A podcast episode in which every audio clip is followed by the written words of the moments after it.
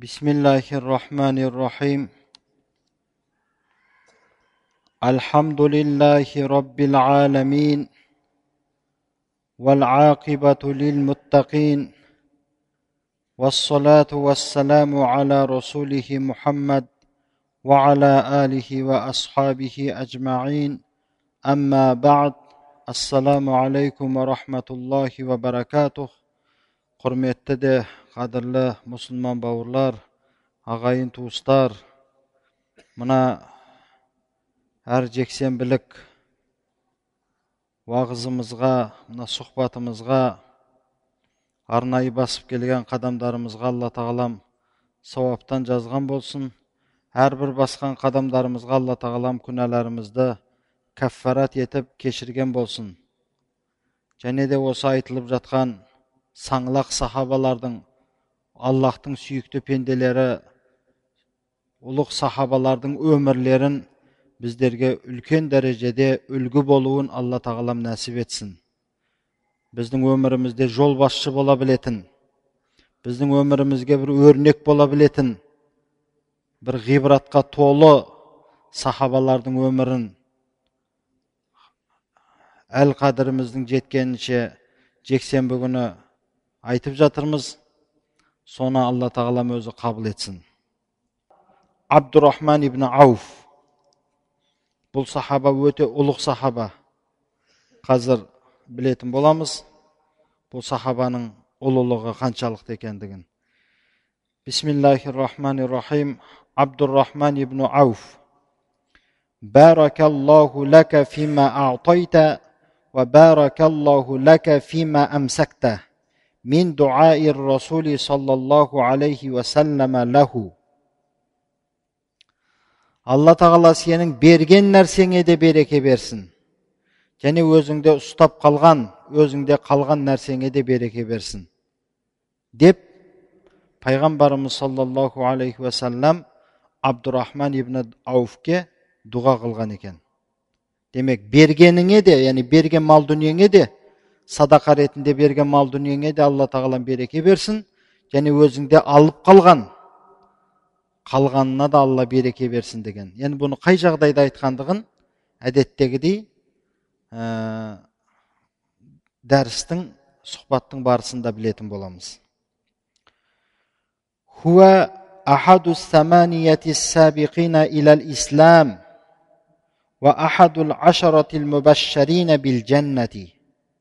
ол исламға әуелгі болып кірген сегіздің біреуі дейді. Сегіз ақ адам болатын болса бірінші кірген мәселен хазіреті әбу бәкір қазір айтады бұл жақта бұл хазіреті әбу бәкір разиаллаху анхудан кейін ақ екі күннен кейін исламға кірген адам екен. Абдурахман ибн ауф. Біліп алатын бір нәзік мәселелер бар осында.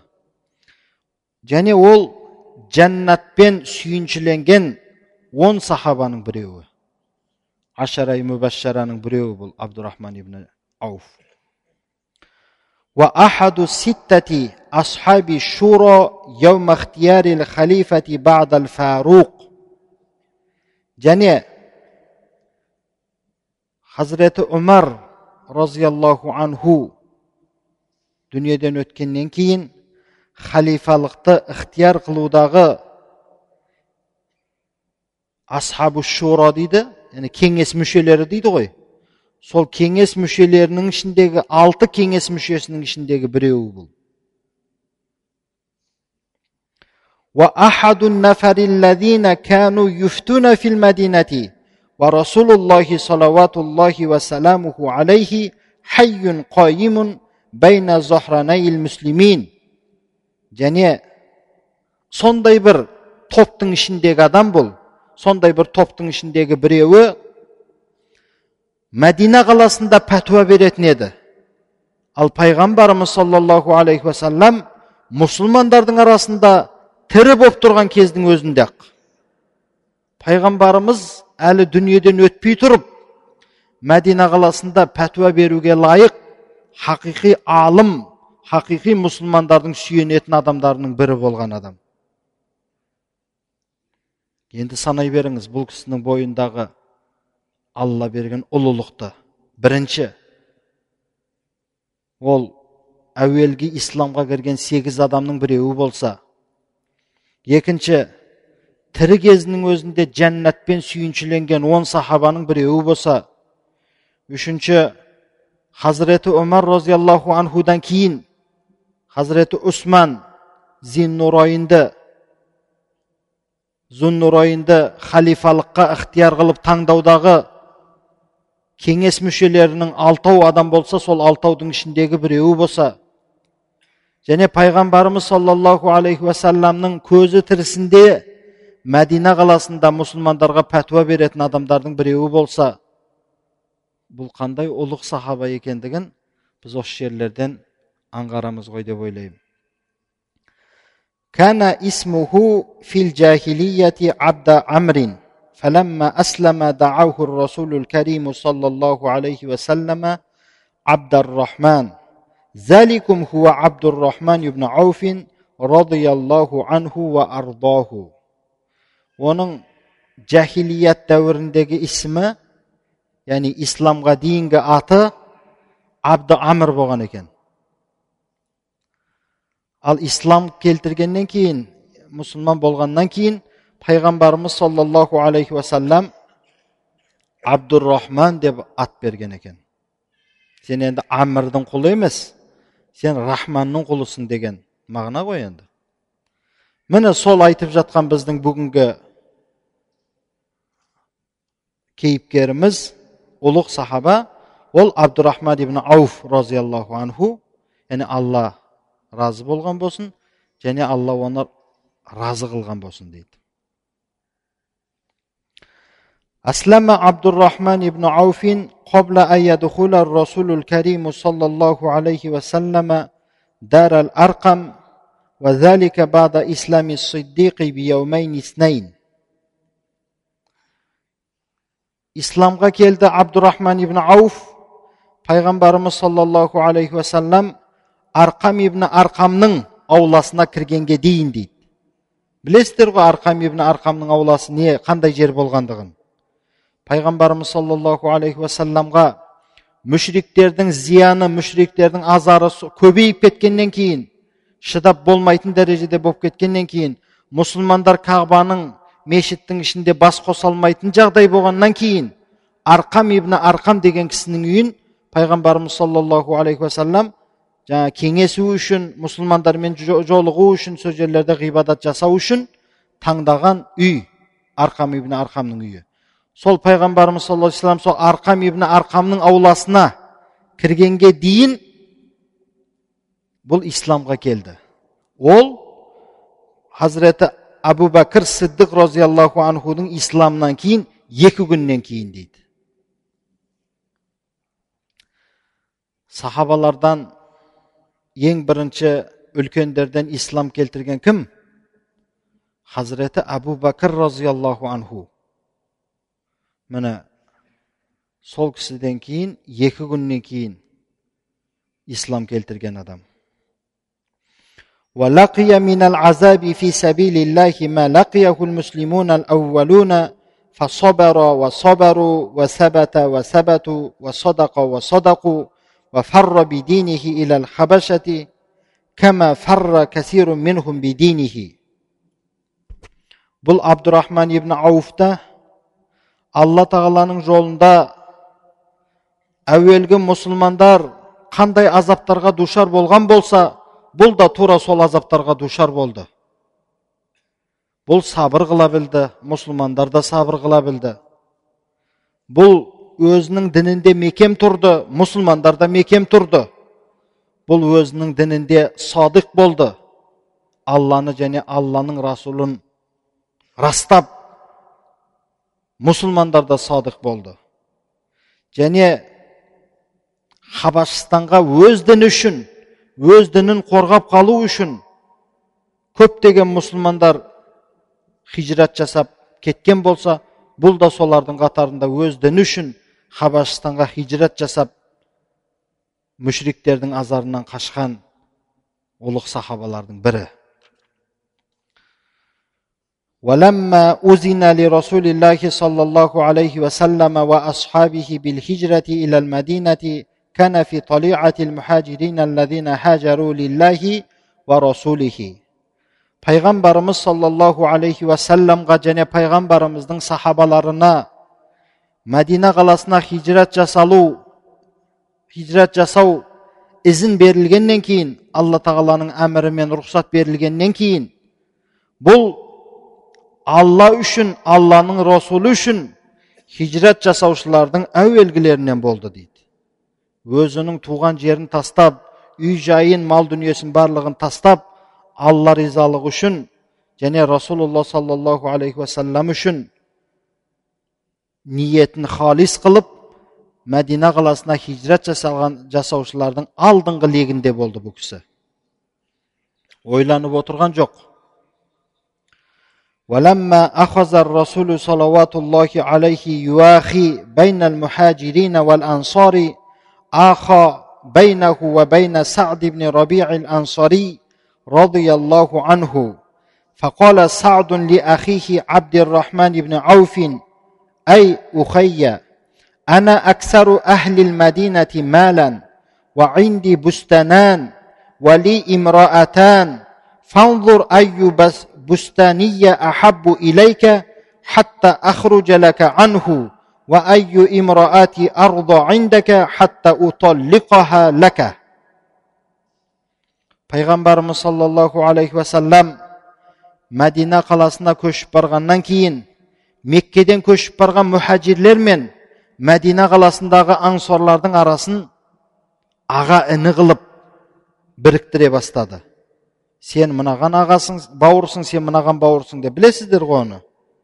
Аха дегені екеу ансор мен ансорлар мен мұхажирлердің арасын пайғамбарымыз саллаллаху алейхи уассалам аға іні қылып бауыр қылып бекітті.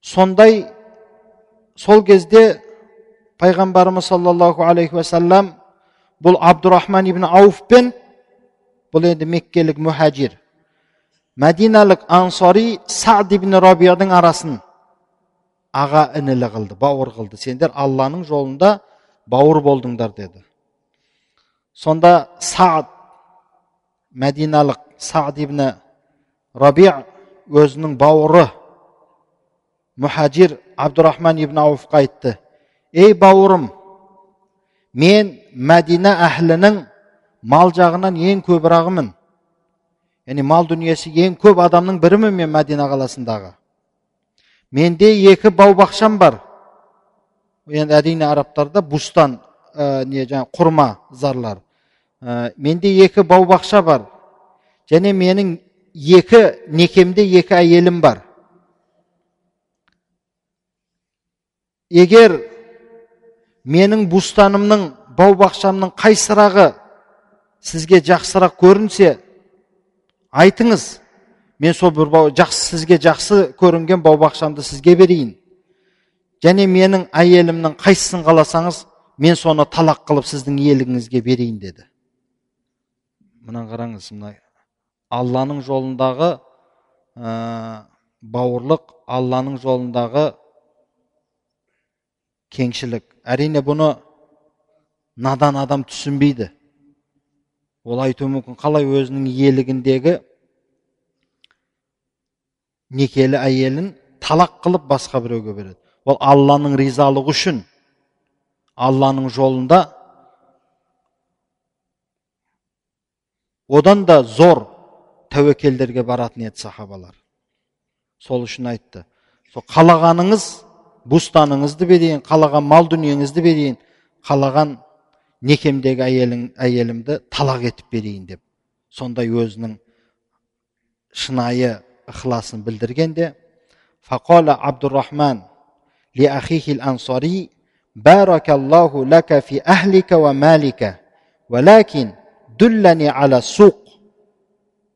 сонда абдурахман ибн ауф өзінің ансари бауырына айтты алла саған және сенің малыңа және сенің әхліңе берекесін берсін сен маған еш нәрсеңді бөліп бермей ақ қой бірақ сен маған базарға баратын жолды көрсетші деді базардың жолына мені жолдап қойшы сол жетеді маған деді فدله عليه فجعل يتجر وطفق يشتري ويبيع ويربح ويدخر وما هو إلا قليل حتى اجتمع لديه مهر امرأة فتزوج وجاء الرسول عليه الصلاة والسلام وعليه طيب فقال له الرسول صلوات الله عليه مهيم يا عبد الرحمن؟ فقال تزوجت. فقال وما أعطيت زوجتك من المهر؟ قال وزن نواة من من ذهب. قال صلى الله عليه وسلم أولم ولو بشاة بارك الله لك في مالك سعد بن ربيع өзінің мұхажир бауыры абдурахман ибн ауфқа базардың жолын көрсетіп қойды енді бұл базардың жолын базарға барып саудагерлік жасай бастады абдурахман ибн ауф сат, алды сатты қыла бастады сатып алып сата бастады пайда таба бастады және мал дүниесін жинас, жинай бастады асып қалғанын аз уақыт өтпей ақ оның қасында бір әйелге үйленіп сол әйелдің мәһрін беретіндей дүние жиналып қалды дейді кейін мәһрін беріп бір әйелге үйленді сөйтіп расулалла саллаллаху алейхи уассаламның алдына келді оның үстінде бір хош иіс кәдімгі үсті басында жақсы киім хош иіспен пайғамбарымыз саллаллаху алейхи уассаламның алдына келді өйткені енді мұхажирлердің көбісі мал дүниесінің барлығын меккеге тастап мединеге келгенде оларда ешқандай не болмады ғой мал дүниеде бір кеңшілік болмады оларда ә, кедейірақ болды бір аз ғана уақыттың ішінде енді бұл тура бір бай адамдар ұқсап пайғамбарымыз саллаллаху алейхи уассаламның алдына келді сонда расулалла саллаллаху алейхи уассалам оған мәхиям дегені бұл яманилік бір сөз екен ол таң қалған кезде айтылатын сөз екен. Бізде де қазақта о деп қояды ғой жаңа. Мәссаған деп қояды о абдурахман деп пайғамбарымыз саллаллаху алейхи уассалам көріп таң қалып мәхиям деп. Сонда бұл үйлендім деді бірден пайғамбарымызға.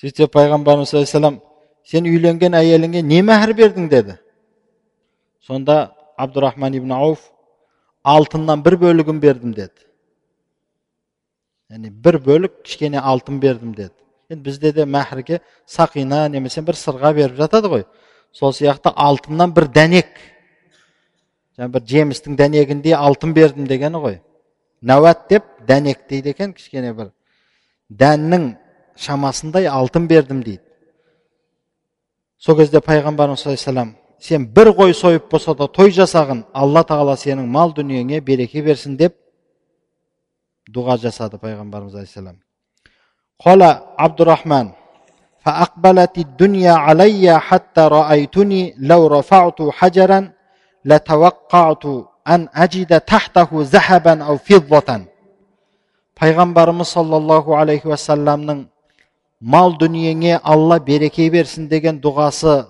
қабыл болғандығын қараңыз. Абдурахман ибн ауф айтады маған дүние сондай келе бастады. Мен өзімді сондай деп көрдім. Егер мен барып бір тастың астын көтерсем тура сол тастың астынан алтын мен күміс тауып алатындай дәрежеде болдым дейді. Енді дүние маған келе бергендігінен қай жерден бар бір тастың астын көтеріп қалсам тура соның астында бір алтын не күміс жататындай еді дейді яғни дүние деген маған ағылып келе бастады дейді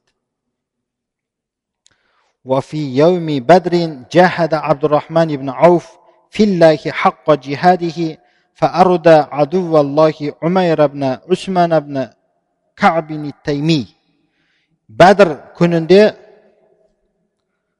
мынау мүшриктердің ең үлкен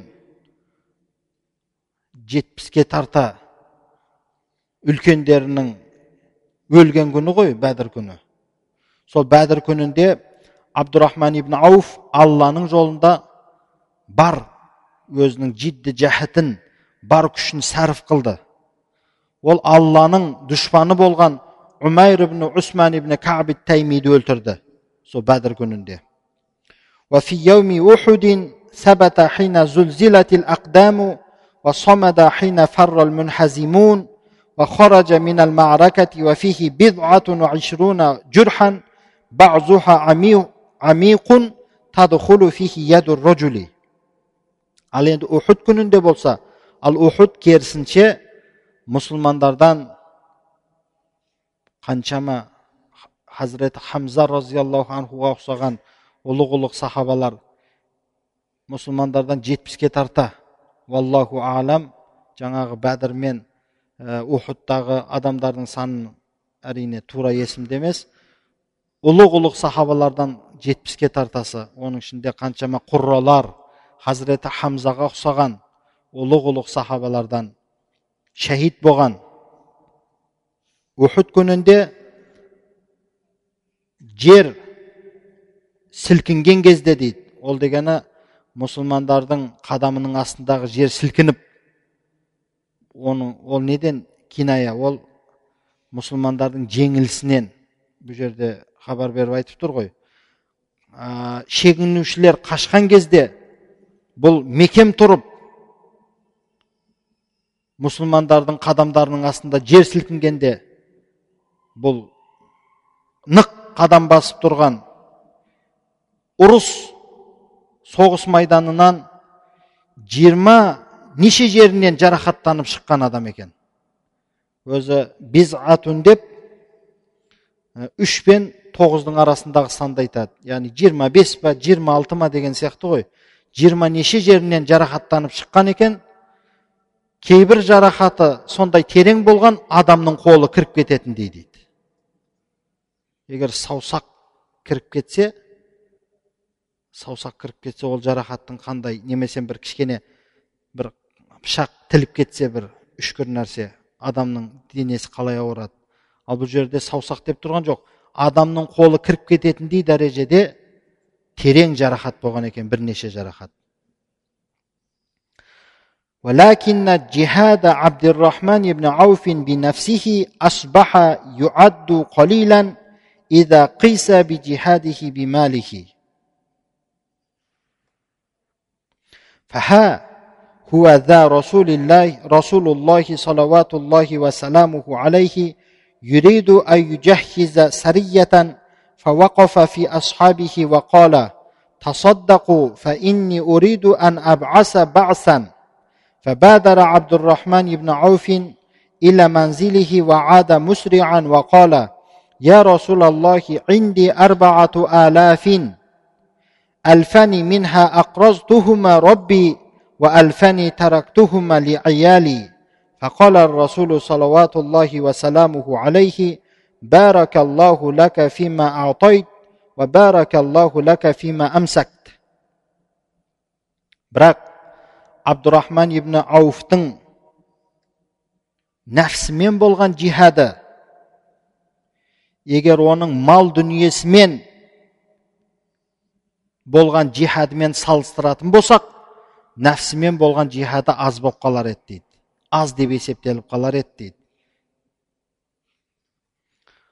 пайғамбарымыз саллаллаху алейхи уассалам бір әскерді дайындап бір ұрысқа жіберуді ниет қылып сахабалардың арасында тұрып былай деді садақа беріңдер мен бір әскерді жөнетуді қалап тұрмын деген кезде абдурахман ибн ауф асығып барып өзінің үйіне барып қайтадан асығып келіп пайғамбарымыз саллаллаху алейхи уассаламға я расулаллах менің қолымда төрт мың дирхам тұр.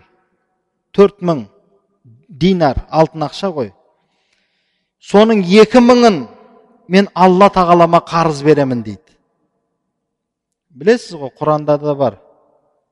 Ақридуллаха қардан хасана деп яғни алла тағалаға қарыз беру деген алла тағаланың жолында жақсылық жасап садақа берсең алла тағала соның есесіне соның евазына саған бір жақсы нәрсені дайындап тұрады екен мен екі мыңын алланың жолына алланың аллам үшін қарыз беремін қалған екі мыңын өзімнің әйел бала шағама қалдырдым деді сонда пайғамбарымыз саллаллаху алейхи уассалам алла сенің бергеніңе де береке берсін өзіңе ұстап қалғаныңа да береке берсін деп айтқан екенмін осы жерде айтқан екен пайғамбарымыз ولما عزم الرسول عليه الصلاة والسلام على غزوة تابوك تبوك وهي آخر غزوة غزاها في حياته كانت الحاجة إلى المال لا تقل عن الحاجة إلى الرجال. فجيش الروم وافر العدد كثير العدد والعام في المدينة عام جدب والسفر طويل والمؤونة قليلة والرواحل أقل حتى إن نفرا من المؤمنين جاءوا إلى رسول إلى الرسول صلى الله عليه وسلم يسألونه في حرقة أن يأخذهم معه فردهم لأنه لم يجد عنده ما يحملهم عليه فتولوا وأعينهم تفيض من الدمع حزنا ألا يجدوا ما ينفقون فسموا بالبكائين وأطلق على الجيش اسم جيش العسرة ал енді пайғамбарымыз саллаллаху алейхи уассалам табук соғысына аттануға ниет қылған кезде білесіздер бұл табук соғысы пайғамбарымыз саллаллаху алейхи уассаламның көзі тірісіндегі қатынасқан ең соңғы соғысы. Міне осыны біліп алыңыздар. Пайғамбарымыз саллаллаху алейхи уассалам исламда бәдірсі бар ухуды бар барлығына үлкен соғыстарды ғазат дейді. Ал енді ана сәрия деп ә, әшейін әскер жіберген соғыстарда пайғамбарымыз саллаллаху қатынаспаған. Сол ғазаттардың ішіндегі мынау ғаза, ә, тәбук ғазаты пайғамбарымыз саллаллаху алейхи уассаламның өзі қатысқан ең соңғы соғысы. Сол тәбук соғысында малға болған қажеттілік адамдарға болған қажеттіліктен аз емес еді дейді. Яғни екі нәрсеге де мұқтаж. Һәм мал дүние де керек соғысқа аттандыру үшін адамдарға астына ат қолдарына қару беру үшін мал дүние де керек. А бірақ адамдар да керек. Біреулер жас болды ол кезде соғысқа жарамайтын. Сол үшін айтып жатыр мал дүниеге болған қажеттілік адамдарға болған қажеттіліктен аз емес еді. Ал енді румдықтардың әскері ол көп санды мықты қаруланған. Ал мәдина қаласында болса ашаршылық жылы. Әр жақтан мұсылмандар бір қиыншылықта. Сапар болса ұзақ. Ал жол азық қаражат мауынат ол аз. Мінетін көліктер де аз. Сол кезде мүминдардан бірнеше тобы пайғамбарымыз саллаллаху алейхи уассаламның алдына келіп күйіп пісіп пайғамбарымыздан сұрады. Бізді де өзіңізбен бірге осы табук ғазатына ала кетіңіз деп сұрады. Сонда пайғамбарымыз саллаллаху оларды қайтарды бармайсыңдар деп. Өйткені оларға оларды мінгізіп апаратын көліктің жоқ болғандығынан. Өйткені жол өте ұзақ еді ол жаяу баратын жер емес. Сондықтан көлік таба алмағандықтан әлгі күйіп пісіп жылап сықтап келгендерге айтты сендер мініп баратын көлік жоқ оны алатын қаражат та жоқ сендер қайтыңдар деді. Олар көздерінен жастар ағып қапа болып өздері нафақа қылатын садақа қылатын дүниелерінің де жоқтығына қапалық білдіріп кетті енді бұлар. Пайғамбарымыз саллаллаху сендерді бұл ғазатқа апаратын көлігіміз жоқ десе олардың ішінен күйіп пісіп тұрғандардың егер шамасы болса жоқ расулалла өзім сатып аламын көлікті дейтін де шамасы жоқ бұлардың. Лажсыздан қайтты сол үшін де оларды буккаин ә, деп аталды. Яғни жылаушылар яғни соғысқа бара алмай алла тағаланың алдында өздерінің армандарына жете алмай шәһидтік дәрежесін армандап жүрген адамдар еді олар. Жете алмай жылап кеткендіктері үшін оларды бәккаиндер деп аталды. Ал сол үлкен саны көп румдықтармен болған соғыстың атын бұл жердегі мұсылмандардың саны аз болғандығы үшін қиналып соғысқа шыққандығы үшін бұл жердегі мұсылмандардың әскеріне жайшул усрати деп ат қойылған екен яғни қиыншылық әскері яғни қиындықтағы әскер қиналған әскер деген сияқты ғой عند ذلك أمر الرسول عليه الصلاة والسلام أصحابه بالنفقة في سبيل الله واحتساب ذلك عند الله فحب المسلمون يستجيبون لدعوة النبي عليه الصلاة والسلام وكان في طليعة المتصدقين عبد الرحمن بن عوف فقد تصدق بمئتي أوقية من الذهب فقال عمر بن الخطاب للنبي عليه السلام إني لا أرى عبد الرحمن إلا مرتكبا إثما فما ترك لأهله شيئا сол кезде пайғамбарымыз саллаллаху алейхи уассалам өзінің асхабларына сахабаларына алланың жолында нафақа беруді сұрады сауабын алладан күтіп нафақа беріңдер алланың жолында алла сендерге сауабын берсін деп алла тағаладан сауап үміт етіп сахабаларына нафақа беруді сұрады бұйырды мұсылмандар пайғамбарымыз саллаллаху алейхи уассаламның дағуатын пайғамбарымыздың бұйрығын жан тәндерімен қабыл алып орындады сол нафақа берушілердің садақа берушілердің де әуелінде басында абдурахман ибн ауф тұратын еді ол пайғамбарымыз саллаллаху алейхи уассаламға алтыннан болған екі қап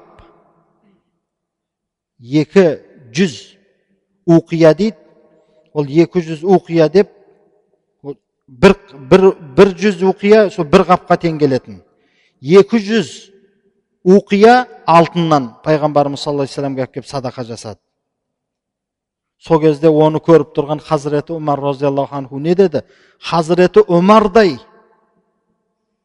фаруқ сондай әділ сахаба әлгі абдурахман ибн ауфтың соншалықты мәрттігіне соншалықты садақа жасағандығына шыдай алмай тұрып былай деді. Я расулаллах мына абдурахман ибн ауф күнә жасап жатыр деді. Өйткені ол өзінің үйіне еш нәрсе қалдырмады деді. Бар дүниесін алып келіп сіздің алдыңызға тастай салды ал оның бала шағасы аш қалады ғой бұл күнә жасап жатыр деп ойлаймын деп жіберді хазірет омар разиаллаху анху. فقال الرسول عليه الصلاة والسلام هل تركت لأهلك شيئا يا عبد الرحمن сол кезде пайғамбар саллаллаху ей абдурахман өзіңнің әһліңе әйел бала шағаңа бір нәрсе қалдырдың ба деді фақала наам таракту лахум аксара мимма анфақту ва атябу я расулаллах мен әйел бала шағама мына нафақа қылған нәрсемнен де көбірақ бұдан да қошырақ нәрсені қалдырдым деді. Қала саллаллаху алейхи уассалам кәм? Сонда пайғамбар саллаллаху қанша? деді тағы да сұрап жатыр. Жаңа мөлшерін білгісі келіп қала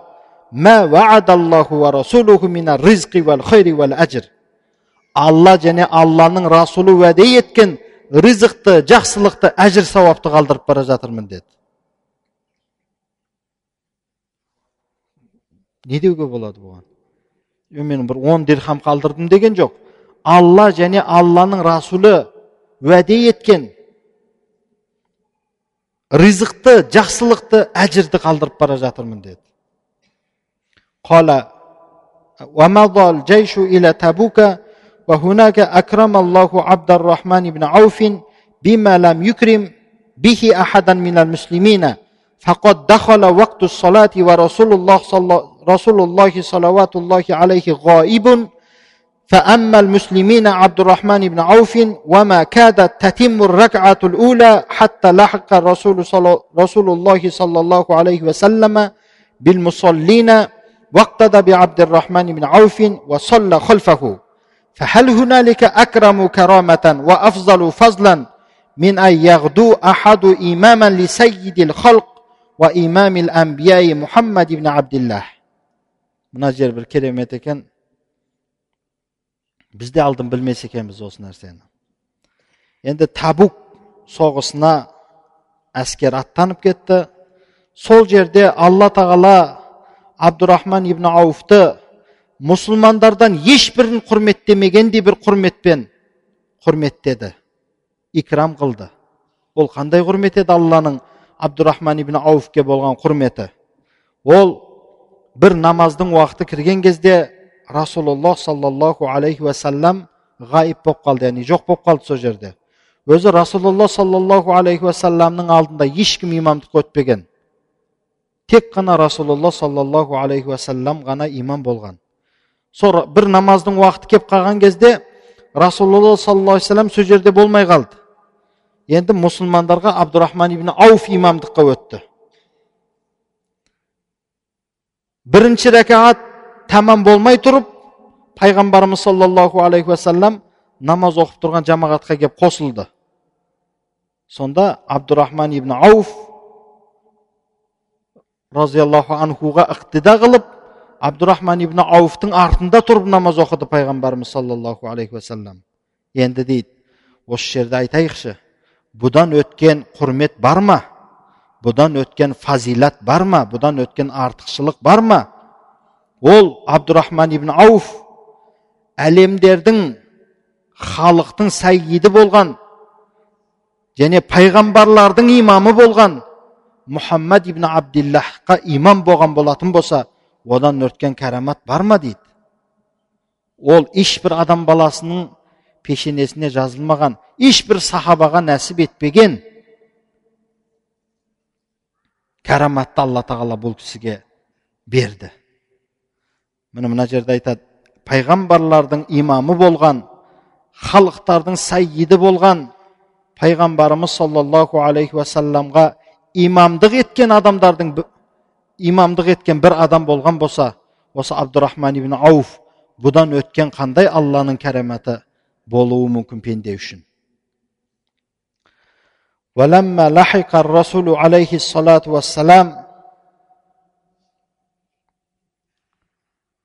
بالرفيق الأعلى جعل عبد الرحمن بن عوف يقوم بمصالح أمهات المؤمنين فكان ينهض بحاجتهن فيخرج معهن إذا خرجنا ويحج معهن إذا حججنا ويجعل على حواججهن طيالسة وينزل بهن في الأماكن التي تسرهن وتلك منقبة من مناقب عبد الرحمن بن عوف وثقة من أمهات المؤمنين به يحق له أن يعتز بها ويفخر al endi payg'ambarimiz sollallohu alayhi vasallam robbimizning oldina ketgandan keyin bu dunyodan ketgandan keyin endi abdurahmon ibn avf мүминдардың анасы болған пайғамбарымыз саллаллаху алейхи уассаламның жұбайларының қажет істерінде жүретін еді дейді. Үнемі жәрдем беріп аналарымызға солардың қажеттерін өтеп жүретін еді. Егер олар бір жерге шығатын болса бірге жүретін еді махрам ретінде. Өйткені пайғамбарымыз саллаллаху алейхи уассаламнан кейін пайғамбарымыздың жұбайлары яғни уммахатул мүминин басқаларға некеленуге харам болды. Оны алла тағала құранмен харам қылды. Ол уммул мүминин болып қалды олар. Солар бір жерге шығатын болса пайғамбарымыз саллаллаху алейхи вассалам хазіреті абдурахман ибн ауф шығатын еді солармен бірге. Егер умра қажылық немесе қажылық жасайтын болса олармен бірге қажылық жасайтын еді олар мініп жүретін хавадиж дейді жаңа кебеже дейді ғой ненің түйенің үстіндегі ана бізде не дейді? Кебеже ғой. Соның үстіне бір хос арнайы адамдарға тігілетін бір жасыл мата болады екен. Соны тігетін еді дейді. Yani, қымбат баға арнайы ол кімнің кебежесі екендігі білінетіндей. Және оларды қуантатын жерлерге бірге жүретін еді дейді. Бұл енді абдурахман ибн ауфтың бір фахырланатын абдурахман ибн ауфтың бір кәрим қасиеттерінен фазилаттарынан болған нәрселерді санамалап отырмыз осы жерде ал енді үммүл мүминин уммахатул мүминин мұсылмандардың аналары болған пайғамбарымыз саллаллаху жұбайлары оған болған сенімі ол абдурахман ибн ауф қаншалықты фахырланса қаншалықты мақтанса да арзитындай жарасатындай дәрежеде дейді уммахатул муминин тек қана осы абдурахман ибн ауфқа әрбір істерінде сенеді екен сол үшін қай жерлерде уммахатул мумининнің мұқтажы болса сол жерлерде абдурахман ибн ауф табылатын еді ولقد بلغ من بر عبد الرحمن بن عوف بالمسلمين وأمهات المؤمنين أنه باع أرضا له بأربعين ألف دينار فقسمها كلها في بني زهرة وفقراء المسلمين والمهاجرين وأزواج النبي عليه الصلاة والسلام. فلما بعث إلى أم المؤمنين عائشة رضوان الله عليها بما خصها من ذلك المال قالت من بعث هذه المال؟ فقيل عبد الرحمن بن عوف. فقالت قال رسول الله صلى الله عليه وسلم لا ينحو عليكن من بعد إلا الصابرون. садақа расулуллах абдурахман ибн ауфтың мұсылмандарға және үммахатіл мүминин мүминдердің мүминдердің аналарына жасаған жақсылықтарынан бірі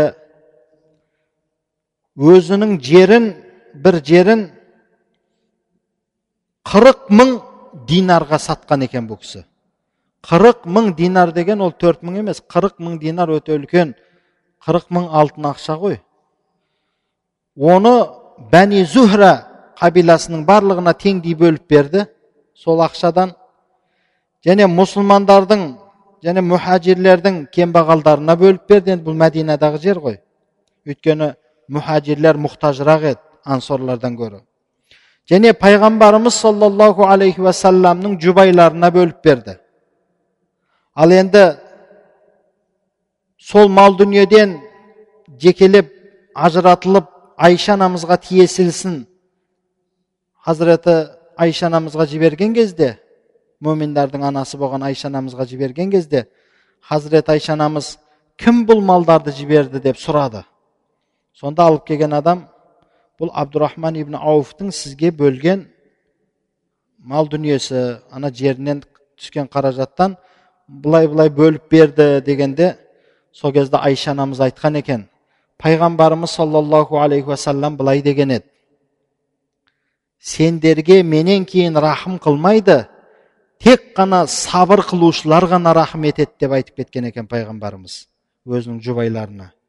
Сендерге тек қана сабыр қылушылар ғана рахым етеді менен кейін деген екен. Ол деген сабыр қылу дегенде нені түсінеміз? Өз нәпсіне өзі сабыр қылу. Кім сонша мал дүниесін біреуге бөліп береді? ол оңай шаруа емес. Ол нәпсімен күрес ол шайтанмен күрес болу керек. Сол үшін пайғамбарымыз біліп айтып кеткен екен. Бұл сөзге әрине абдурахман ибн ауф әбден лайық болды. Өйткені ол мөминдерге де және пайғамбарымыз саллаллаху алейхи уассаламның жұбайлары үммахатул мүмининдерге өз мал дүниесін сабыр қылып соларға бөліп бере білді рахым қыла білді.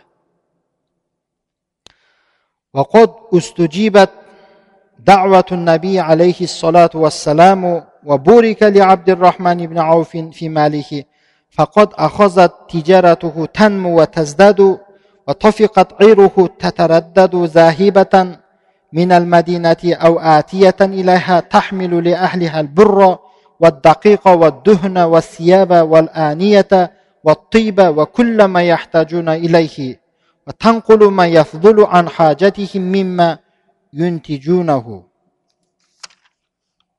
пайғамбарымыз саллаллаху алейхи уассаламның абдурахман ибн ауфке жасаған дұғасы қабыл болған екен және абдурахман ибн ауфке жасаған дұғасы берекелді болған екен ол абдурахман ибн ауфтың мал дүниесінде сондай береке кірді оның саудасы оның тижараты күн санап өсіп көбейе түсті оның керуені мәдина қаласынан басқа араб диярларына араб өлкелеріне шам қалаларына басқа жақтарға барып келіп тұратын еді. Қазір санын айтады мына жақта. Олар мәдина халқы үшін бидайды енді оларда тапшы нәрселер. Ә, ұнды майды киім кешекті ыдыстарды және хош иістерді басқа қалалардан алып келетін еді және мұсылмандар неге мұқтаж болса сол нәрселердің барлығын алып келетін еді ал мәдинадан өздеріне пайда беретін өздерінің қажеттерінен асып қалған нәрселерді экспорттайтын еді басқа жаққа қарай وفي ذات يوم قدمت عير عبد الرحمن بن عوف على المدينة وكانت مؤلفة من سبعمائة راحلة نعم سبعمائة راحلة وهي تحمل على ظهورها الميرة والمتاع وكل ما يحتاج إليه الناس бір күні абдурахман ибн ауфтың керуені мәдина қаласына кіріп келді ол жеті жүз түйеден құралған керуе иә жеті жүз түйеден деп қайталап айтып қойып жатыр ол жеті жүз түйе үстіне артқаны миро деп тағамдар мата шаталар және адамдар неге мұқтаж болса сол нәрселердің барлығын алып келетін? Осы жерден көкшетауға шейін созылған түйе ғой енді жеті жүз түйе деген аз емес қой енді. Бір керуенде жеті жүз түйе неше вагон болады ол оның үстінде артылған жүк. فما إن دخلت المدينة حتى رجت الأرض بها رجا وسمع لها دوي وضجة فقالت عائشة رزوان الله عليها ما هذه الرجة؟ فقيل لها عير لعبد الرحمن بن عوف سبعمائة ناقة تحمل البر والدقيق والطعام. فقالت عائشة رزوان الله عليها بارك الله له فيما أعطاه في الدنيا ولثواب الآخرة أعظم. نعم، نغرانز мәдина қаласына кіргеннен кейін ақ мәдина қаласы әлгі абдурахман ибн ауфтың керуенінің түйелерінің көптігінен жер сілкініп кетті дейді. Он сондай ыңылдау әлгі түйелердің бір ыңылдайтын дауыстары бар ғой ыңылдау бақыру шақыру көбейіп кетті мәдина қаласының іші. Оны естіген айша анамыз айтты бұл қандай мына бақырық шақырық мынау? Қандай дауыстар мынау? дегенде айша анамызға айтылды. Бұл абдурахман ибн ауфтың керуені. Жеті жүз түйе олар үстіне ұнды бидайды тағамдарды әртүрлі мұсылмандарға керек заттарды көтеріп келген жеті жүз түйе дегенде айша анамыз айтқан екен. Алла тағала бұл дүниеде оған берген нәрселеріне береке берсін бірақ ақиреттің сауабы үлкенірек қой деп қойды айша анамыз قبل أن تبرك النوق كان الخبر قد نقل إلى عبد الرحمن بن عوف فما إن لامست مقالة أم المؤمنين سمعه حتى طار مسرعا إلى عائشة وقال أشهدك يا أمه أن هذه العير جميعها بأحملها وأقتابها وأحلاسها في سبيل الله мынаны қараңыз түйелері шөгіп болмай ақ ол хабар абдурахман ибн ауфтың да құлағына жетіп келді яғни айша анамыздың алла оған берген яғни алла береді ғой мал дүниені алла бұл абдурахман ибн ауфқа берген мал дүниесін берекелді қылсын әлбетте ақыреттің сауабы үлкенірек деген сөз құлағына жетіп келгеннен кейін бұл сөз құлағына жетісімен ақ абдурахман ибн ауф ұшып отырып тез айша анамыздың алдына барып айтты. Сізді ортаға куәлік қыламын ей үммә ей ана дегені ғой. Мен осы жеті жүз түйемді үстіндегі ер тұрмандарымен үстіндегі заттарымен қосып алланың жолында садақа қылдым деген екен. Ойланып отырмастан. Сондағы айша анамыздың бір ақ сөзі оның жүрегіне әсер еткен алла оған берген мал дүниесінде береке берсін бірақ ақыреттің сауабы үлкенірек деген сөзге шыдай алмай айша анамыздың алдына барып ушхидуки я умма ушхидуки сізді куәлік қыламын алла мен менің ортамда сізді куәлік қыламын дегені ғой. Әлбетте осы керуенім барлығы ахмалиха ва ахлазиха дегені үстіндегі ер тұрманы мен зат паты мен барлығы алланың жолында деді. Бар ма сондай адамдар?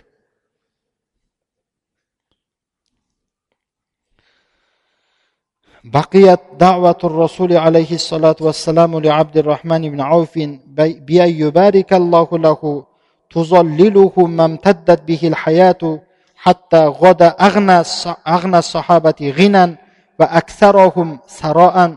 لكن عبد الرحمن بن عوف جعل ذلك المال كله في مرضاة الله ومرضاة رسوله صلى الله عليه وسلم. فكان ينفقه بكلتا يديه يمينا وشمالا وسرا وإعلانا пайғамбарымыз саллаллаху алейхи уассаламның дұғасы абдурахман ибн ауфке үнемі ол қанша өмір сүрген болса сонша уақыт оған сая болып тұрды пайғамбарымыз саллаллаху алейхи уассаламның дұғасы алла тағала оған пайғамбарымыздың дұғасымен береке болып үнемі береке кіргізіп тұрды. Ол сахабалардың ішіндегі ең байы болды. Бірақ абдурахман ибн ауф сол мал дүниенің барлығын алланың және алланың расулының разылығына сарф етті. Мынаны қараңыз ол екі қолымен садақа қылар еді дейді. Бір қолға қанағат қылмай оң қолмен де сол қолмен де жасырын да әшкере де садақа қылатын еді ол қазір мына жақта айтады حيث تصدق بأربعين ألف درهم من الفضة ثم أتبعها بأربعين ألف دينار ذهبا ثم تصدق بمئتي أوقية من الذهب ол қырық мың күміс дирхам бір садақа қылды оның артынша қырық мың алтын динар бір садақа қылды кейін алтыннан болған 200 уқия әлгі 200 қап тағы да садақа қылды күміс садақа қылдым болды деген жоқ жаңағы оң қол сол қол әшкере жасырын дегені сол ғой ثم حمل مجاهدين في سبيل الله على خمسمائة فرس ثم حمل مجاهدين آخرين على ألف وخمسمائة راحلة ол алла тағаланың жолында соғысқа аттанушыларды 500 атқа бір мінгізді кейін басқа бір соғысқа аттанушыларға 1500 атты тағы да бір мінгізді ولما حضرت عبد الرحمن بن عوف الوفاة أعتق خلقا كثيرا من ممالكه енді абдурахман ибн ауфқа өлім сәті келген кезде ол өзінің қызметшілерінен құлдарынан көпшілігін сондай көп құлдарын азат қылды.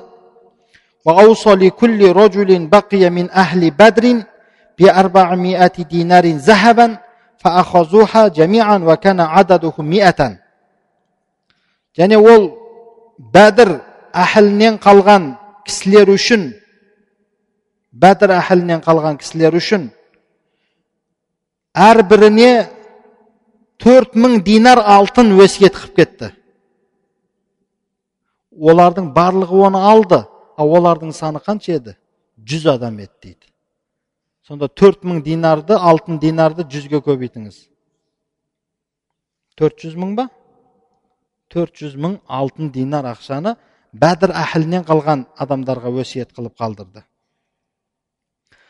وأوصى لكل واحدة من أمهات المؤمنين بمال جزيل حتى إن أم المؤمنين عائشة رضوان الله عليها كثيرا ما كانت تدعو له فتقول سقاه الله من ماء السلسبيل ал енді үммахатул мүминин пайғамбарымыз саллаллаху алейхи уассаламның жұбайларынан әрбіріне көптеген мал дүниені өсиет қылды хатта үммүл мүминин айша анамызға айша анамыз көбінше абдурахман ибн ауф үшін дұға жасап отыратын еді алла сәлсәбил суынан суғарсын деп оны сәлсәбил деп жәннаттың тағы бір бұлақтың суы сол үнемі алла абдурахман ибн ауфты сәлсәбил суынан суғарсын су ішкізуді нәсіп етсін дегені ғой ثم إنه بعد ذلك كله خلف لورثته مالا لا يكاد يحصيه العد кейін ол сол мұсылмандар уммахатул мүмининге жасаған садақаларынан өсиеттерінен бөлек өзінің мирасқорларына соншалықты дүние, мал дүниені тастап кетті оны санап болмайтын еді дейді санап болмайтын дәрежеде мал дүниені тастап кетті хайсу тарака әлфа баирин мың түйе ва миата фаросин жүз жылқы ва саласата шатин үш жүз қой ә, үш мың қой енді ол кезде бұндай емес қой адамдардың саны аз кез мың түйе жүз жылқы үш мың қой деген ол аз дүние емес қазір де аз дүние емес қой ол فبلغ ربع الثمن الذي خص كل واحدة منهن ثمانين ألفا абдурахман ибн ауфтың төрт жұбайы болған екен оларға қалдырған дүниенің сегізден бірі әрбіріне хас қалдырылған дүниенің сегізден төрттен бірі ол қанша болады Оның әрбіріне сексен мың сексен мың динардан қалдырған екен әрбіріне. Енді есептей беріңіз енді ол математика болып кетті енді бұл жағы мен. Бұл жердегі мақсат ол қалдырылған дүние емес ол алла тағаланың пайғамбарымыз саллаллаху алейхи уассаламның дұғасының берекесімен оның қаншалықты бай сахаба болғандығын ол бүкіл алла берген дүниесінің алланың және алланың расулының разышылығы жолында қалай таратқандығын үлгі етіп айтып жатыр ғой.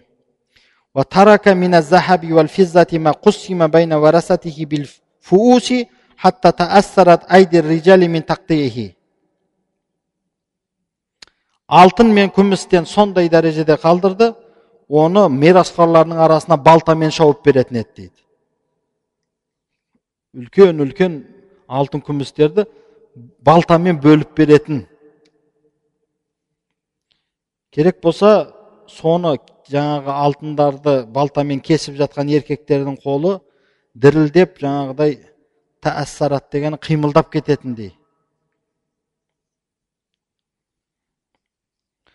كل ذلك بفضل دعوة الرسول الله صلى الله عليه وسلم بأن يبارك له في مالكه бұл нәрсенің барлығы да алла тағаланың бұл абдурахман ибн ауфке берген осыншама фазилаты расулулла саллаллаху алейхи уассаламның дағуасының дұғасының фазилаты мен алла тағала оның мал дүниесіне береке жасасын деп жасаған дұғасының берекесімен болды осының барлығы да لكن ذلك المال كله لم يفتن عبد الرحمن بن عوف ولم يغيره فكان الناس إذا رأوه بين ممالكه لم يفرقوا بينه وبينهم бірақ осынша мал дүние абдурахман ибн ауфты фитнаға салмады оны тоспады алланың құлшылығынан оны тәкаппарлыққа жібермеді оны өзгертпеді дейді адамдар абдурахман ибн ауфты өзінің құлдарының ішінде көретін болса ажырата алмас еді деді арасын қайсысы абдурахман ибн ауф қайсысы құлдар екенін ажырата алмайтын еді сонша мал дүние бұны өзгертпеді дейді وقد أوتي ذات يوم بطعام وهو صائم فنظر إليه ثم قال لقد قتل مصعب بن عمير وهو خير مني فما وجدنا له إلا كفنا إن غطى رأسه بدت رجلاه وإن غطى رجليه بدا رأسه бір күні абдурахман ибн ауфке бір тағам келтірілді ол ораза тұтқан еді. Ораза тұтып ауыз ашар уақытында бір тағам келтірілгенде әлгі тағамға қарап тұрып былай деді. Мұсаб ибн умайр өлтірілді деді. Мұсаб ибн умайр естеріңізде ма кім болған ол?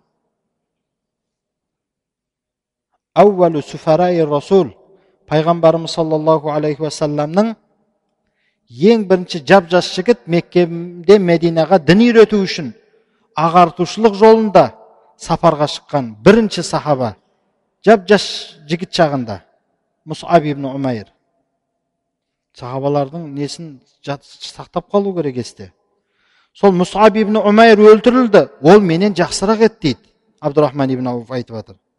А біз оған оны көмуге мата таппай оны кебіндеуге оған сондай бір кебінді таптық егер бас жағын жапсақ аяғы көрініп қалды аяғын жапсақ басы көрініп қалатын дәрежеде ғана кебіндей алдық қой біз сол мұсаб ибн умайрды дейді. Ол бірақ менен жақсырақ еді дейді.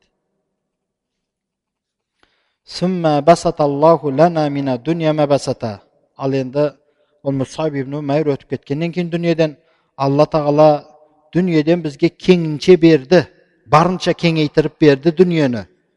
Бай қылып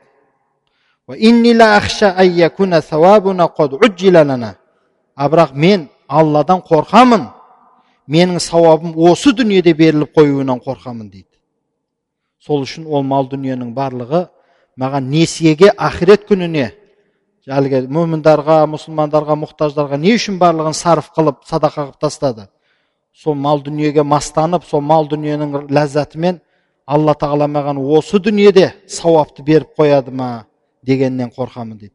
Білесіздер ма сүлеймен пайғамбар басқа пайғамбарлардан гөрі 500 жыл кейін жәннатқа кіреді дейді. Не үшін? Себебі бұл дүниеде алла тағала оған сондай байлықты патшалықты бергендігі үшін дейді.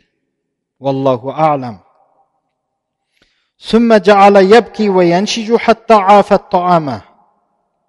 Сөйтіп бұның барлығы әлгі тағамға қарап тұрып айтып жатқан сөзі ғой.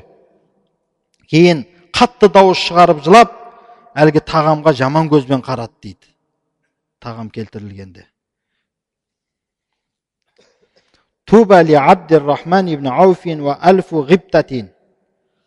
Алланың туба деп жақсылық бақыт болсын деген екен. Абдурахман ибн ауфқа жақсылық болсын бақыт болсын және мың мың ғипта деп сол бір адам қызығады ғой жаңағыдай әуесі келіп мың мың әуес болсын дейді ол дегені біз осы нәрсені оқып отырып қаншама мыңдаған адамдар әуестенеді осыған فقد بشره بالجنة الصادق المصدوق محمد بن عبد الله ақиқатында абдурахман ибн ауфты садиқул мастуқ болған мұхаммад ибн абдилла саллаллаху алейхи уассалам жәннатпен сүйіншілеген көз тірісінде وحمل جنازته إلى مسواه الأخير خال رسول الله صلى الله عليه وسلم سعد بن أبي وقاص оның ақырғы орны қабіріне оның жаназасын көтеріп барды пайғамбарымыз саллаллаху алейхи уассаламның нағашысы сад ибн әби ваққас өзі сад ибн әби ваққас та ашарай мүбәшшараның бірі ғой алейхи зуннурайни усман ибн аффан оған жаназа намазын усман ибн аффан хазіреті усман разиаллаху анху оқыған еді وشيعه أمير المؤمنين المكرم الوجه علي بن أبي طالب оны жаназа намазына жуып дайындаған хазіреті али разиаллаху анху еді яқул хазіреті али жаназа намазына жуып дайындап жатып былай деді اذهب فقد أدركت صفوها وسبقت زيفها يرحمك الله енді барғын деді сен бұл дүниенің бақытын енді таптың сен бұл дүниенің жасандысынан өтіп кеттің алла сені рахмет етсін деді яғни жалған дүниені тастап нағыз сағадат дүниесіне бара жатсың кеткін енді деп жуып шайып дайындаған екен жаназа намазына демек хазіреті али арулап жуып шайып жаназасын дайындаған болса жаназасын оқыған хазірет усман разиаллаху анху болған болса иығына қабірге көтеріп барған адам сад ибн әби ваққас болатын болса пайғамбарымыз саллаллаху алейхи уассалам тірі көзі тірі кезінде жәннатпен сүйіншілеген сахаба болатын болса бұл абдурахман ибн ауфтан ұлық адам бар ма екен әрине адамзаттың ұлығы пайғамбарымыз саллаллаху алейхи уассалам одан кейін хазіреті абу бәкір разиаллаху анху дейтін болсақ одан кейінгі қатарлардан осы абдурахман ибн ауф сияқты сахабаларды әбден лайық деп айтуға болады сондықтан міне осы жермен бұл кісінің өмірінде аяқтаған екен алла абдурахман ибн ауфтың сахилігін абдурахман ибн ауфтың өмірін біздерге нәсіп етсін дейік. Біздерге де алла тағалам өзінің қазинасынан мал дүниесін берсін деп тілейік. Бірақ сол берген мал дүниені осы абдурахман ибн ауфша өз орнына сарф ете алатын мұқтаждарға сарф ете алатын алланың және алланың расулы разы болатын орындарға сарф ете алатын мөмін мұсылмандардан болуды алла нәсіп етсін. Бай болу жаман емес. Бай болу да бұл алланың бір нығметі егер сол байлығын алланың ризалық жолына сарф ете алса сол адам. Қайта алла тағала байлық берген адамдарға мен ойлаймын алла үлкен нығмет берген. Өйткені ол қолында дүниесі жоқ адамнан гөрі сауап амалдарды көбірек жасап алуға мүмкіншілік бар. Ғибадат құлшылықтан бөлек садақа деген алланы қарыз қоюға болатын амал жасап алуға мүмкіншілігі бар иншалла біздің арамызда ондай адамдар бар жоқ емес бірақ әрине абдурахман ибн ауфтей емес ондай болу қайда алла сондай болуды нәсіп етсін дейік وآخر دعوانا أن الحمد لله رب العالمين اللهم يا مقلب القلوب ثبت قلوبنا على دينك اللهم يا مصرف القلوب صرف قلوبنا على طاعتك وعلى عبادتك وعلى علمك я раббым алла осы саңлақ сахабалардың өмірін біздерге үлкен дәрежеде үлгі өрнек болуын аллам өзің нәсіп еткін біз әлсіз бір пенделерміз. Осы мұсанифтер жазып келген кеткен кітаптарды әрең дегенде әрекет жасап мағынасын әрең әрең дегенде түсініп жүрген бір әлсіз бір адамдармыз. Алла тағалам осы сахабалардың өмірлерін осы оқуда немесе айтып жатқан мағыналарымызда бір қателіктер кетіп жатқан болса аллам өзің кешіргін. Біз бұл сахабалардың атын аузымызға алуға да лайық емес пенделерденбіз осы абдурахман ибн ауфтей ұлық сахабаның өмірін біздерге алла тағалам сол сахабаның мәрттігін сол сахабаның сахилығын сол сахабаның байлығын алла тағалам біздерге нәсіп еткен. Сол байлықпен алла тағалам дін жолында қызмет етуге аллахты қарыз қылуға алла тағалам біздерге нәсіп еткін اللهم آت نفسي تقواها وزكيها وأنت خير من زكاها ووليها ومولاها. وصلى الله تعالى على خير خلقه محمد وعلى آله وأصحابه أجمعين. الله أكبر.